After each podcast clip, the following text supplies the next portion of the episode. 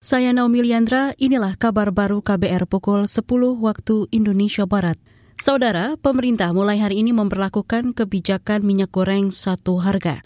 Menteri Perdagangan Muhammad Lutfi menjelaskan harga yang ditetapkan adalah Rp14.000 per liter. Kata dia pemerintah mengeluarkan beberapa kemasan minyak goreng mulai 1 liter hingga 25 liter.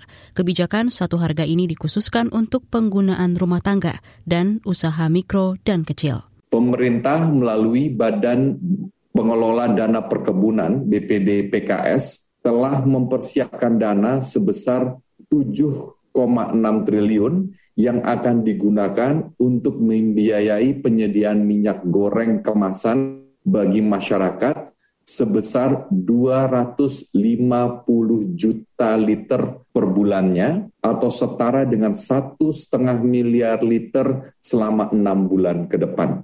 Menteri Perdagangan Muhammad Lutfi menambahkan kebijakan minyak goreng satu harga akan lebih dahulu berlaku di seluruh toko retail yang tergabung dalam Asosiasi Pengusaha Retail Indonesia, APRINDO. Artinya untuk kemasan minyak goreng di pasar tradisional, penyesuaian harganya baru akan menyusul satu pekan kemudian. Majelis Hakim di Pengadilan Negeri Jakarta Pusat kemarin menjatuhkan hukuman nihil dan hukuman tambahan kepada Presiden Komisaris PT Trada Alam Minera, Heru Hidayat, terkait kasus Asabri. Menurut Ketua Majelis Hakim Ignatius Eko Purwono, vonis nihil terkait kasus Asabri kepada Heru Hidayat karena yang bersangkutan sudah lebih dahulu difonis hukuman seumur hidup untuk kasus Jiwasraya.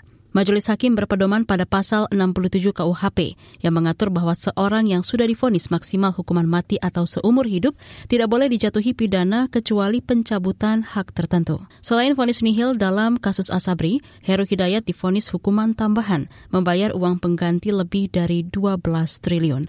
Heru dinilai melanggar Undang-Undang Tipikor dan Undang-Undang Tindak Pidana Pencucian Uang atau TPPU. Demikian kabar baru KBR. Saya Naomi Liandra, undur diri.